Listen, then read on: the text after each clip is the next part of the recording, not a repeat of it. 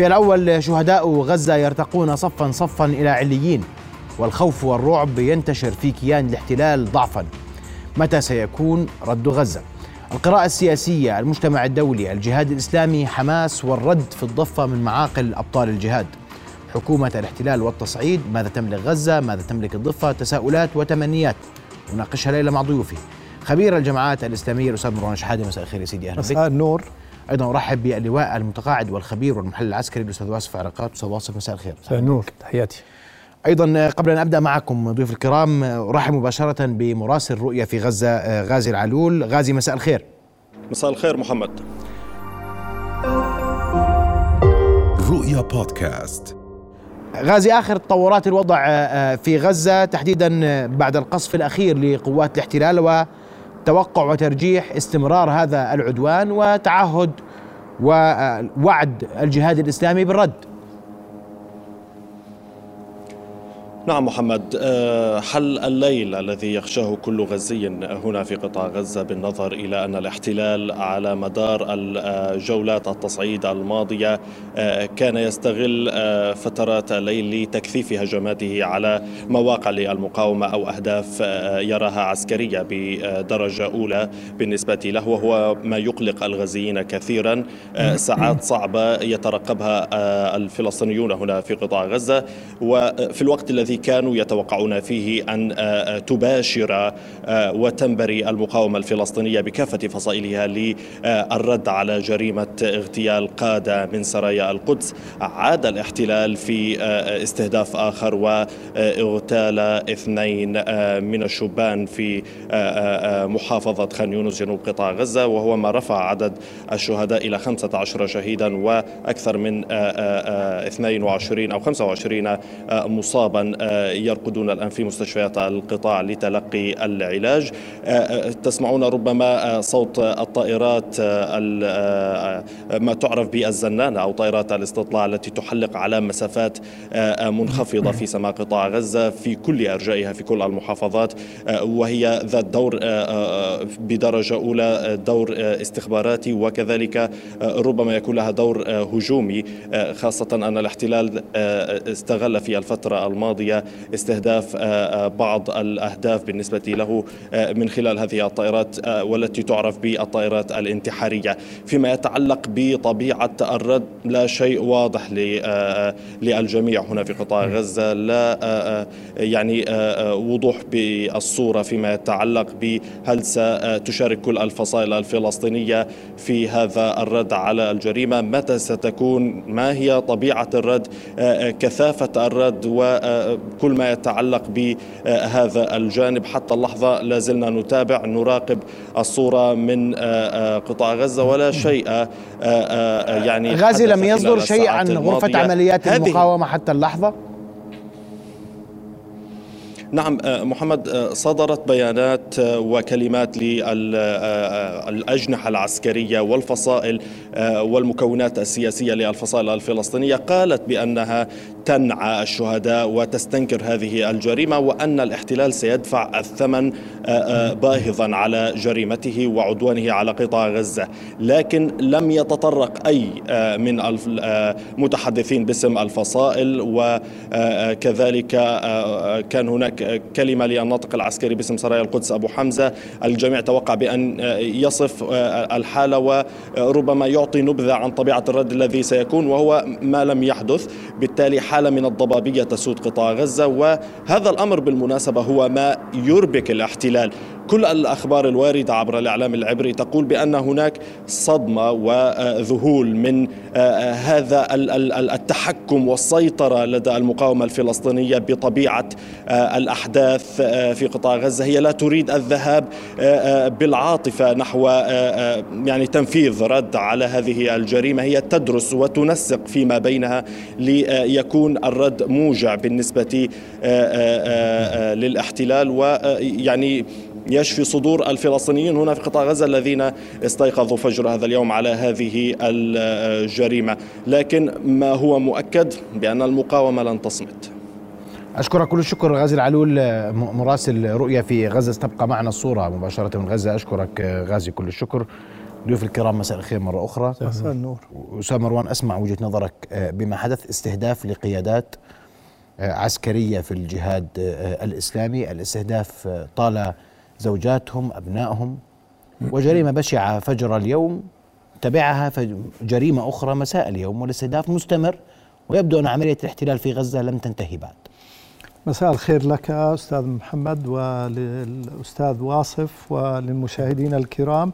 في الواقع يعني هذه الأخبار المحزنة للحوادث مأساوية في الاغتيال التي تستهدف الشباب والشيوخ والنساء والأطفال مستمرة ولا يكترث آه، الاحتلال الصهيوني آه، بحجم الخسائر من سواء كان من أشخاص ينتمون لفصائل مقاومة أو من الشعب المدني العزل.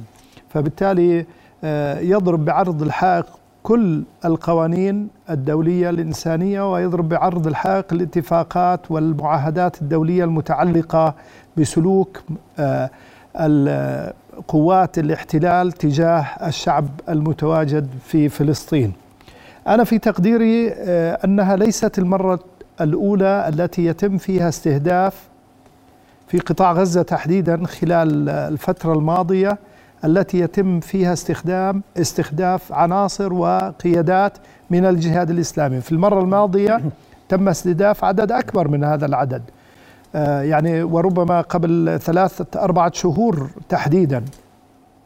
آه، وللأسف الرد يعني ربما لا ألوم آه، بالوقت ذاته يعني لا يوجد في ميزان القوى هناك اختلال. يعني لا يوجد قوى موازية لقوة النار التي تمتلكها قوات الاحتلال الإسرائيلي. فبالتالي لماذا يتم استهداف أشخاص من قيادات في حركة الجهاد آه، دون غيرها من الفصائل سواء الفصائل اليسارية أو حركة حماس بذاتها وهي من تمتلك زمام الأمور في قطاع غزة وهي أيضا تسيطر على غرفة العمليات المشتركة لكافة الفصائل التي تساهم في عمليات إطلاق الصواريخ والمقاومة.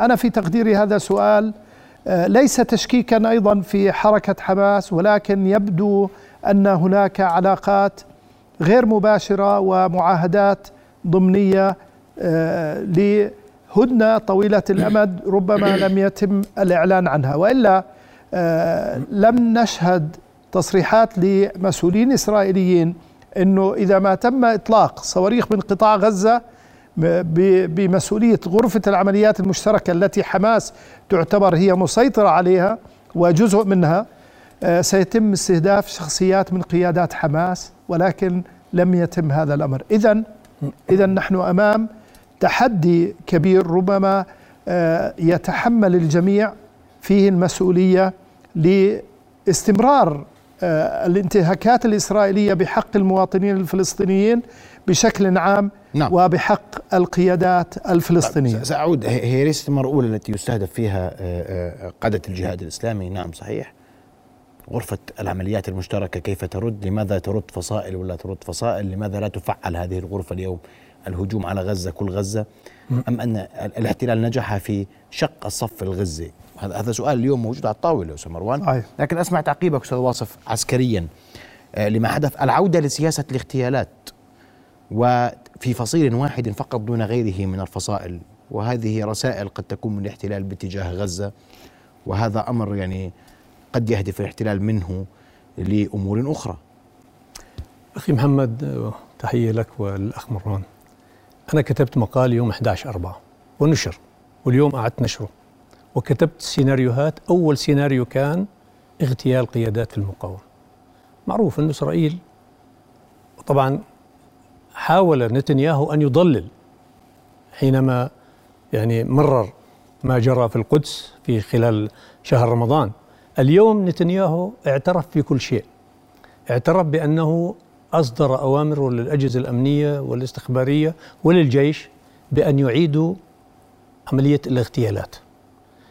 العملية أخي محمد عملية اليوم الجبانه عملية الغدر التي تمت قائدها السياسي نتنياهو وقائدها العسكري نتنياهو. حتى جانس تحدث عن هذا الموضوع.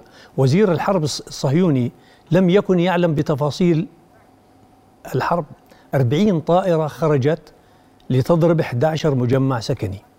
كانوا يعرفون إسرائيل تعرف تماما من اللي موجود في هذه المجمعات السكنية. إذا هو حط الرقم وضع الرقم الذي يريده وكان يريد إيقاع خسائر في صفوف البدنيين. خمس نساء وأربع أطفال مع الثلاث قادة من الجهاد الإسلامي. بالتأكيد هو نتنياهو له مآرب مآرب كثيرة. هناك معادلات ثبتتها المقاومة في, في الماضي. هو يريد إلغائها هو يريد استعادة قوة الردع هو يريد تصدير أزماته الداخلية هو يريد أن أيضا أن يؤثر على ما يجري في الإقليم وفي العالم. كل هذه معروف وسلاح فرق تسد معروف أيضا ويريد لا يريد وحدة الساحات. لا يريد وحدة الساحات على الصعيد الفلسطيني. وكما تحدثت حضرتك يعني هناك الآن صمت الكل يتساءل لماذا هذا الصمت؟ أنا أقول لك لأنه نتنياهو أعلن. قال أن العملية كانت ستقوم يوم الجمعة. أجلت لأسباب لتحضير الجبهة الداخلية لكيفية الرد. أجلت لليوم. لذلك غرفة العمليات المشتركة تعرف تماما أنه التحضير للرد الف... على الرد الفلسطيني هو اللي سائد الآن. غرفة العمليات المشتركة؟ يعني ماذا يعني اسمح لي أوصفك. أنت لما تقول لي والله التحضير اليوم من قبل الاحتلال سيكون على الرد الفلسطيني. يعني لا رد فلسطينيا حرصا منهم على عدم وجود رد بالاحتلال حتى منك؟ حتى الآن غرفة م. العمليات المشتركة أعلنت أنه سيتم الرد. ما فيش إعلان صريح بأن هي يعني يعني يعني الناطق ضبابي الناطق إعلان ضبابي. بلسان الناطق بلسان الجهاد الاسلامي تحدث والناطق وال, وال يعني البيانات التي صدرت عن غرفة العمليات المشتركة تقول هكذا. نحن الجهاد فقط من المبكر تحدث عن الرد. من المبكر الآن م. الحديث عن الرد. حتى إسرائيل التي وضعت ربما وضعت آلاف الاحتمالات. كيف سيكون الرد الفلسطيني؟ وهل سيكون على مستوى فصيل؟ أو على على مستوى فصائل مقاومة. لكن سبق ل معلش إحنا بنحكي آه اليوم طبعا طبعا أكيد. آه طبعا طبعا. رحم الله الشهداء لكن هذه يعني أكيد. اليوم اللي بيصير يحتاج منا إلى قراءة واضحة. هذه وحدة المرة الماضيه في المرة الماضية التي أوضح فيها الاحتلال أنه يستهدف فصيلا دون غيره لم ترد الفصائل الأخرى. واليوم واليوم الرد على الجهاد. واليوم نعم. اوضح اليوم أوضح أنه يستهدف فصيل. وقال وحدد حدد قادة من فصائل أخرى وهنا أقصد عن حماس. قال إذا تدخلت وضربت صواريخ سيكون الهدف فلان وفلان المرة الماضية صرح من المقاومة. التصريح. نعم. تصريحات العدو لم تنقطع. والموقف لكن هناك استجابة لهذه التصريحات. هذا لا أخطر حتى, حتى الآن حتى الآن في المرة الأولى لم تكن هناك استجابة مطلقة يا واصف بك أخي أخي محمد أنا, أنا أرجوك. حتى الآن المرة الماضية نعم. ألم تكن الاستجابة مطلقة؟ كان هناك صحيح. كان هناك موقف تعتقد أن هذه المرة ستختلف عن سابقتها؟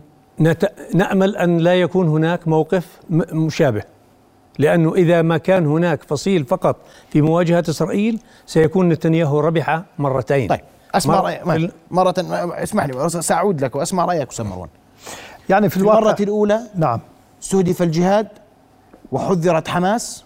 أنا بحكي بصريح ما فيش شيء نخاف منه اليوم. حماس لم ترد وتركت الجهاد في الساحة لوحدها. يعني هذه المرة الاستهداف مشابه. نعم. والرد من غرف غرفة التعميمات المشتركة على لسان الجهاد فقط. يبدو أن الغالب الغالب في داخل صنع القرار داخل حركة حماس هو للجناح السياسي أكثر من العسكري، يعني بمعنى أن تغليب المصلحة العامة ربما فاق على تغليب مصلحة الرد والمقاومة وربما أنا لا أتهم أن هناك هدنه متفق عليها بوسطاء وأطراف سواء إقليمية أو دولية لذلك منذ أكثر من عام أنا أظن إنه حماس يعني تصمت تجاه الاعتداءات والانتهاكات الصهيونية بحق قطاع غزة بشكل عام وبحق الجهاد الإسلامي وفصائل أخرى. وأنا أظن أن على حماس مسؤولية كبيرة الآن اليوم أن تقرر هل تستمر في هذه الهدنة أم أن عمليات آه، زعزعة أمن واستقرار الكيان الصهيوني ربما تضعفه في وهو في أضعف حالاته الآن. الخلافات والتصدعات الداخلية آه، السياسية وفي القرارات الأمنية وفي الإقليم أيضا أصبحت واضحة يعني وملموسة لدى كل مواطن عادي. فكيف بقيادات حماس لا تدرك أن آه، اليوم تستهدف حركة الجهاد. تغليب المصلحة العامة. من تقصد يغلب المصلحة؟ يعني حماس تغلب المصلحة العامة في ماذا؟ في آه يعني هي لا تريد اغتيال قادتها من ناحية لا تريد أن يكون هناك حرب شاملة لتدمير غزة كما جرى في الأعوام السابقة يعني. واضح يعني لا تريد حرب مواجهة مع العدو الصهيوني لأنه كما تعلم يعني في آخر حرب كم عدد مئات القتلى وآلاف الجرحى آه، داخل قطاع غزة؟ في ظل حصار عربي وفي ظل حصار آه، إقليمي على على حركة حماس. يعني أنا قلت لك ربما ربما حتى لا نتهم إنه هذه الهدنة طويلة الأمد لأنه لم يتم تناولها في الإعلام أو تداولها وربما تكون سرية كما جرى مع حزب الله يعني في الواقع. حزب الله منذ عام 2012 هو وقع هدنة طويلة الأمد لعشرين سنة. وإسرائيل دائما تراهن على عامل الزمن كما يسميه الأفغان آه، زمن أو وقت وقت جنرال جنرال الزمن. يعني إسرائيل دائما تحاول أن تحيد الأطراف وتزرع الفتنة وبذور الخلاف بين الفصائل المختلفة. لذلك سلوك إسرائيل مع حماس في الضفة الغربية يختلف عن سلوكها في قطاع غزة. إذا شاهدنا اغتيال الثلاث آه، شباب آه، قبل أيام قليلة في نابلس أيضا في عملية عسكرية خاصة استهدفتهم وقتلتهم الثلاث أثناء تجمعهم في بيت آمن. ولابد أن نشير إلى عملية العملاء الذين يتعاونون مع العدو الصهيوني. هذه آفة سرطانية خطيرة تهدد كل الفصائل وقادة الفصائل والعمل المقاوم داخل فلسطين. وأنا أعتقد على علماء الأمة ومفتي الأمة والدعاة وكذلك القادة السياسيين أن يتخذوا موقفا حازما من موضوع العملاء والجواسيس الذين يساعدون الاحتلال في الدلالة على آه، الأشخاص ويجب قتلهم يعني في الميدان يعني. لا يترددوا في ذلك يعني. فالعدو الصهيوني لا يرحم لا طفلا ولا امرأة ولا كذا يعني اليوم آه، هؤلاء القادة تم تأجيل يعني بحسب مواقع قريبة من المقاومة هناك اتهام لأطراف أخرى أنه أرادوا أن يجتمعوا الثلاث في مكان واحد فيعني هذه هناك أسئلة أسئلة اسمح لي أسئلة محيرة. يعني هناك في سؤال محير إنه استهداف الثلاث قادة في ذات التوقيت وفي ذات آه الزمان يعني تم تأجيلهم لأنه كانوا في مناطق مختلفة وتم تنسيق للقاء مع أطراف أخرى حتى يتم الاتفاق على محاور معينة. إذا يعني هناك أطراف ثالثة متورطة في عملية الاغتيال.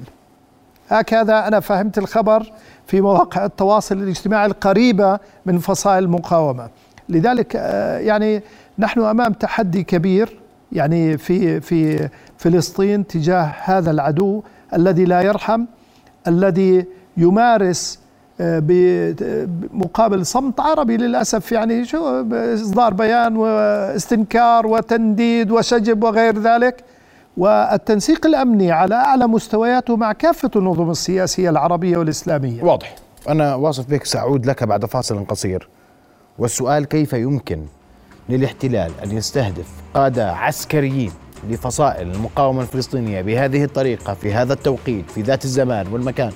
هذا أمر يعني اليوم في العمل العسكري معروف أنه هذا الكلام لا يمكن أن يحدث إلا لو كان له أعين على الأرض أعطته يعني عنده معلومات دقيقة جدا هذه المرة. سأسمع ردك بعد فاصل قصير. فاصل ومن ثم نواصل. قومان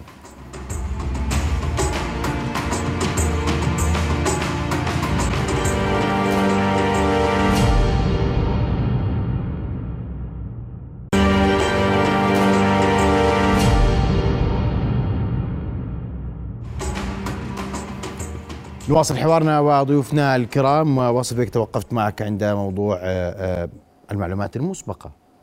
هذه الدقة في الاستخباراتية للاحتلال صحيح. التي تعني تماما ما تحدث فيه أسامة مروان أن هناك عيون للاحتلال على الأرض. وفي غزة لأعدمت كثيرا من الخونة ومن أصدروا وسربوا معلومات للاحتلال رغم ذلك يعود هذا المشهد من جديد. هذا عسكريا كيف يقبل؟ وأين القيادة العسكرية للمقاومة أين أين هي من كل ما يحدث؟ يعني أولا المجد والخلود للشهداء. بالتأكيد. ولا يمكن أن نزاود عليهم هم ضحوا بأنفسهم حقيقة. صحيح أننا بحاجة إلى مزيد من الحذر. بحاجة. وخاصة أننا أمام عدو ماكر ويعلن عن نفسه. يريد يريد أن يقتل أي فلسطيني ليس فقط القيادات. حتى الطفل الفلسطيني مستهدف. نعم.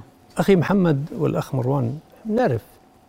إسرائيل 340 كيلومتر قطاع غزة محاصر برا وبحرا وجوا ومسيطر عليه أيضا برا وبحرا وجوا بكل وسائل التوا... بكل الوسائل التقنية الحديثة. ولا ننكر أن لديه عيون. العنصر البشري مهم وأساسي وهو الذي لقن لقن العدو الإسرائيلي والاجهزه الأمنية والاستخبارية بالمعلومات. أعطاهم معلومات. العملية كانت يوم الجمعة ستنفذ وأجلت من يوم الجمعة إلى اليوم. هم قالوا لأسباب تقنية. هناك شقين من هذه الأسباب التقنية، اولا المعلومات للتأكد من المعلومات لاجتماع هؤلاء القادة مع عائلاتهم في البنايات. والشق الثاني هو تحضير الجبهة الداخلية الإسرائيلية لمثل هذه العملية. فبالتالي لا يمكن إنكار إنه الفلسطيني وخاصة المقاوم الفلسطيني. بحاجة إلى مزيد من الحذر. بحاجة إلى مزيد من أخذ يعني العبر والدروس. استهدفوا قيادات في جميع أنحاء العالم لا أحد ينكر. استهدفوا القادة الثلاث في بيروت عام 1978 استهدفوا آه، لكن هذا الاستهداف وصفك اسمح لي أنا بس بدقق شوية يعني عم نحكي شوية أمور حتى تكون رسائلنا واضحة. هذا الاستهداف واضح أن هناك من أبلغ الاحتلال بالمواعيد والتوقيت والأماكن بدقة شديدة جدا لتستهدف هذه القيادات بهذه الطريقة في هذا التوقيت. بالتأكيد. صحيح. بالتأكيد ولا لما لما نجح لما نجحت الطائرات الإسرائيلية بإصابتهم. هذا واضح. هناك اختراق وعلى القيادة الفلسطينية قيادة المقاومة الفلسطينية مراجعة نفسها والتأكد مما حصل. يجب يجب أن يكون هناك رقابة شديدة حقيقة. العنصر البشري هو الأساس في هذه العملية. صحيح انه كل الوسائل موجودة ولكن العنصر البشري هو الأهم. هناك من كان يتابع لحظة بلحظة مع الطائرات الإسرائيلية لأنه الساعة 2 فجرا. وهذه من من أصعب العمليات العسكرية ومن أكثرها تعقيدا. لأنه الساعة 2 فجرا يعني هناك متغيرات كثيرة في هذه الساعة. ومع ذلك وكما قالت إسرائيل أن هناك أربعين طائرة شاركت. أربعين طائرة شاركت في هذه العملية. 15 منها مباشرة و40 كانت تحلق في الجو. إذا نحن أمام. يعني لتمويه الهدف. للتمويه نعم. وأيضا للحصول على النتائج المرجوة. لأنه كما قلت أنا نتنياهو وضع الخسائر الذي يريدها هو الذي أراد أن يكون هناك أربع أطفال وخمس نساء. العملية ليست فقط عملية عسكرية هي عملية مزدوجة. قادها قائدها العسكري نتنياهو وقائدها السياسي نتنياهو حقيقة. والآن والآن أكثرهم حرصا على ما سيجري مستقبلا هو نتنياهو. بدليل أنه لأول مرة اليوم بيتحدث في جلسة الأمن في جلسة الكابينت الإسرائيلي يعطي محاضرة. لم يكن يفعلها بالسابق. اليوم فعلها لأنه يدرك تماما ماذا فعل. هم قاموا بجريمتهم والآن على الفلسطينيين أن يردوا على هذه الجريمة. بمعنى الجزاء من نوع العمل. ربما تأخروا بالرد ليس المهم الرد. المهم أن يكون الجزاء من نوع العمل وأن يكون الرد أقسى من الجريمة. لا ننسى تملك المقاومة القدرة أن يكون ردها أقسى من الجريمة؟ لما لا لما لا؟ شبابنا يعني اليوم في نابلس لقنوا العدو درس. اليوم شبابنا في نابلس ذهب العدو الإسرائيلي ليقوم بمجزرة بجريمة ولكن تصدى له الشباب شبابنا المقاتل في نابلس. وعاد خائبا. استخدم الطائرات استخدم الصواريخ. وكانت النتيجة أنه اعتقل اثنين هو لم يذهب ليعتقل اثنين هو ذهب ليرتكب جريمة بحجم جريمة غزة. ولكن تصدي الشباب له أعتقد. فبالتالي نحن أمام ساعات الكل الآن ينتظر ماذا سيكون الرد. وأقول لك باختصار أخي من الآن سلف. إذا كانت العملية من فصيل واحد فلن تنجح. إذا لم تكن غرفة العمليات المشتركة هي من تتبنى الرد وكل الفصائل تشارك في هذه في هذا الرد أنا أعتقد أنه نتنياهو سيكون حصل على ماذا يريد. سأسألك السؤال بطريقة أخرى. هل تتوقع أن ترد كل الفصائل على هذا الهجوم؟ إذا لم ترد؟ أنا ما, ما أنا إذا لم ترد نجح نتنياهو وفشلت أنا أنا أنا ولن تنجح عملي. أنا سؤالي واضح. أنا كعسكري أقول أتوقع. كعسكري. كعسكري أقول أتوقع. أستاذ مروان. لأنه إذا مررت هذه لن ينجح فصيل. لن ينجح فصيل مهما كان. طيب. يعني إذا كان هناك هدنة طويلة الأمد مدتها عشرين عاما آه لن يكون هناك رد لكافة الفصائل سيكون رد محدود. الخسارة إذا لم برأيك أيهما أقرب الرد المحدود أم الرد المشترك لغرفة العمليات؟ الرد المحدود أقرب لأنه هناك مؤشرات على وجود هدنة طويلة الأمد مع حركة حماس صانعة القرار في قطاع غزة وهي من تملك زمام الأمور الأمنية والعسكرية والسياسية والمالية ويعني كل زمام آه، السلطة آه، في غزة هي بيد حركة حماس. أرجوك تفضل. في حالة عدم الرد كما تفضل الأخ مروان مهما كانت الاتفاقيات تحت الأرض فوق الأرض ستكون الخسائر لأي فصيل يقدم عليها أكبر من الإنجازات. الإنجاز الحقيقي الآن لأي فلسطيني يعتبر نفسه مقاوم هو وحدة الساعات الساحات هي المعادلات التي تم تثبيتها معادلة الاشتباك قواعد الاشتباك وقواعد القتال ووحدة الساحات. كنا نتحدث في شهر رمضان عن وحدة الساحات ليس فقط على الصعيد الفلسطيني وإنما على الصعيد المقاوم. إذا ما بدنا نرجع لفصيل معناته كل ما أنجزنا في فصل في شهر رمضان من صمود أش يعني المقدسيين صمدوا لوحدهم. بدون سلاح. بدون سلاح. نعم. فبالتالي حينما يكون هناك موقف مقاوم أنا بتقديري سيكون هناك نتائج إيجابية وإلا لن ينجح أي فصيل إذا ما تنحى هذا حدث عن الرد في هذه المرحلة ما هو حدث سابقا ولم يكن الرد من كل الفصائل. خسرت. من قال يعني لك إنه هي الدور الآن على الجهاد آه، غدا سيكون الدور بعد ما تضعف آه، غرفة العمليات المشتركة بالفصائل وأعضائها وعناصرها المؤثرة والفاعلة سيأتي الدور بالتأكيد على حماس. هل تعتقد أن اليهود أو آه، الكيان الصهيوني يعني الحكومات الإسرائيلية المتعاقبة التزمت بالمواثيق والمعاهدات التي نفذتها؟ لا تستمع إلا كما يقال إلا لأصحاب الأقدام الثقيلة إلا للرد العسكري القوي المواجه للتعنت والصلف الإسرائيلي، لذلك أنا في تقديري إنه اليوم الجهاد وغدا حماس، يعني هذا قولا واحدا لأنه لأنه آه، الإسرائيليين يحاولوا كسب الوقت إلى أكبر قدر ممكن في ظل الخلافات والتصدعات. وهذا يعني حتمية زوال هذا الكيان حتمية موجودة. حتى هذه القناعة متولدة وموجودة لدى كثير من الإسرائيليين يعني سواء المتدينين وغير المتدينين. وأنا أعتقد اليمين آه، يخدم القضية الفلسطينية والإسلامية أكثر يعني اليمين الإسرائيلي المتطرف يخدم أكثر من المعتدل لأنه المعتدل يهادنك بدبلوماسية ناعمة ويأخذ ما يريد بصمت وبهدوء. ولكن اليمين يعبر عن الوجه الحقيقي للاحتلال الصهيوني. أستاذ واصف اليوم الترجيح على أقل تقدير أن لا يكون رد غرفة المقاومة اليوم غرفة العمليات المشتركة في المقاومة ردا شديدا واسعا آه، آه، وصادما. بينما يقرأ البعض أن الصمت اليوم صمت غرفة المقاومة غرفة العمليات المشتركة قد يعني أن الفصائل تبحث آلية رد قاسية مؤلمة مزعجة تقض. الاحتلال السؤال اليوم وجهة نظرك عسكريا هل الفصائل القادرة اليوم الضفة الغربية أين دورها؟ وغزة تعرض للهجوم وجهة نظرك عسكريا.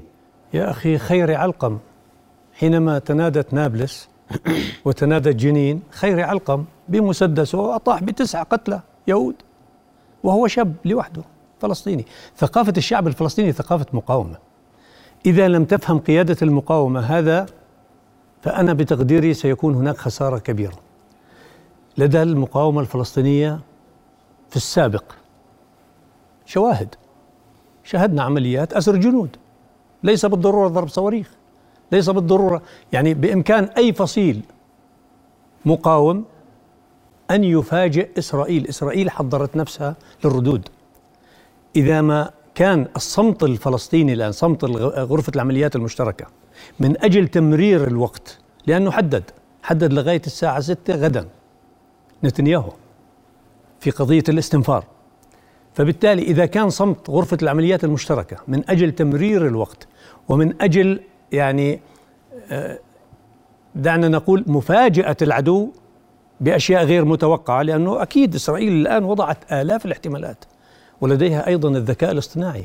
يعني راح تراجع كل العمليات التي قامت فيها فصائل المقاومة الفلسطينية وعلى أثرها أخذت الإجراءات والاحتياطات. يعني أخذت احتياطات في الجو 10 كيلومتر عن عن مطار بن غوريون. أجلت المستوطنات أخلت المستوطنين الآن موجودين في فنادق. هي جهزت نفسها. إذا أرسلت للجنود على الحدود أرسلت لهم ملاجئ متحركة. فبالتالي إذا كانت غرفة العمليات المشتركة تنتظر انتهاء فعالية الإجراءات لمفاجأة العدو بعمل كما قال الأخ مروان بعمل يعني يوجع يوجع. ليس المهم الرد المهم الرد الموجع. لا نريد الآن صواريخ من أجل الصواريخ. لا نريد الآن قذائف من أجل القذائف. نريد الآن ألم في الوسط الإسرائيلي كما كما صار الألم عند الفلسطينيين. ليس سهلا. 11 بناية كلها مدنيين. يعني ثلاث مقاومين وتسعة 15 آه، اليوم صاروا. يعني 12 12 مدنيين وثلاث مقاومين. مجزرة مجزرة بحق يعني. فبالتالي هذه المجزرة آه. يجب أن يتم الرد عليها. وأقول لك بصراحة هذا هو المكان الحقيقي وهذا هو الزمان الحقيقي لاختبار قدرة المقاومة وقوة المقاومة على الأرض. إذا ما تصرفت بحكمة الآن أوكي لنقول أنه الصمت صمت حكمة. إسرائيل حتى إسرائيل تستغرب لماذا الصمت لماذا كانت تتوقع أنه مجرد ما انتهت جنازة الشهداء أن يكون هناك إطلاق للقذائف إطلاق للصواريخ على مستوى غلاف قطاع غزة على مستوى متوسط على مستوى بعيد المدى على تل أبيب مثلا أو على أبعد لكنه ما جرى لم, لم يتم ذلك. الآن إسرائيل تسأل هل سيتم الرد أم لا؟ هناك من يقول سيكون هناك رد. سيكون هناك رد وطبعا يعني نتنياهو حينما أبلغ مستشار بايدن أنه في حال إطلاق مئة صاروخ سيكون لنا رد. إذا إذا نتنياهو يتوقع إطلاق مئة صاروخ وأبلغ الأمريكان بذلك. إذا علينا أن نتوقع أيضا أن غرفة العمليات المشتركة أن لا تتأخر أكثر من ذلك وأن تبادر في الوقت المناسب الذي يمكن أن تنسق مع بقية الفصائل. أخي محمد حتى إسرائيل. إسرائيل وضعت احتمال أنه ربما يكون ليس فقط على الصعيد الفلسطيني ربما تمتد أكثر من الصعيد الفلسطيني. يعني هم يضعوا وهذا جرى. يضعوا الاحتمالات يضعوا كل الاحتمالات. يضعوا الاحتمالات الأسوأ ولكن ولكن هم مدركين ومتيقنين إنه لن يحصل. ونحن نضع أيضا الاحتمالات التي يعني تنعش الفلسطينيين. الفلسطينيين الآن كلهم ينتظرون. لاحظ وسائل التواصل الاجتماعي. الكل يسأل لماذا تأخروا. ونحن نقول كعسكريين ليس المهم الزمان والمكان. المهم التخطيط التنسيق طيب. التعاون طيب. تثبيت المعادلات نعم. وحدة الساحات وحدة الموقف الفلسطيني. هذا هو المهم وأن يو يعني أن تكون ضربة موجعة للاحتلال. واضح جدا. نأمل نأمل أن أن أن, أن نرى ذلك. هذا ما نأمله طبعا. نحن لسنا أصحاب قرار. نعم. وبدي أشكركم كل الشكر ضيوف الكرام آه، على حديثكم الليلة آه، حول ما يدور ويحدث في غزة. شكرا لكم. شرفتوني رؤيا بودكاست.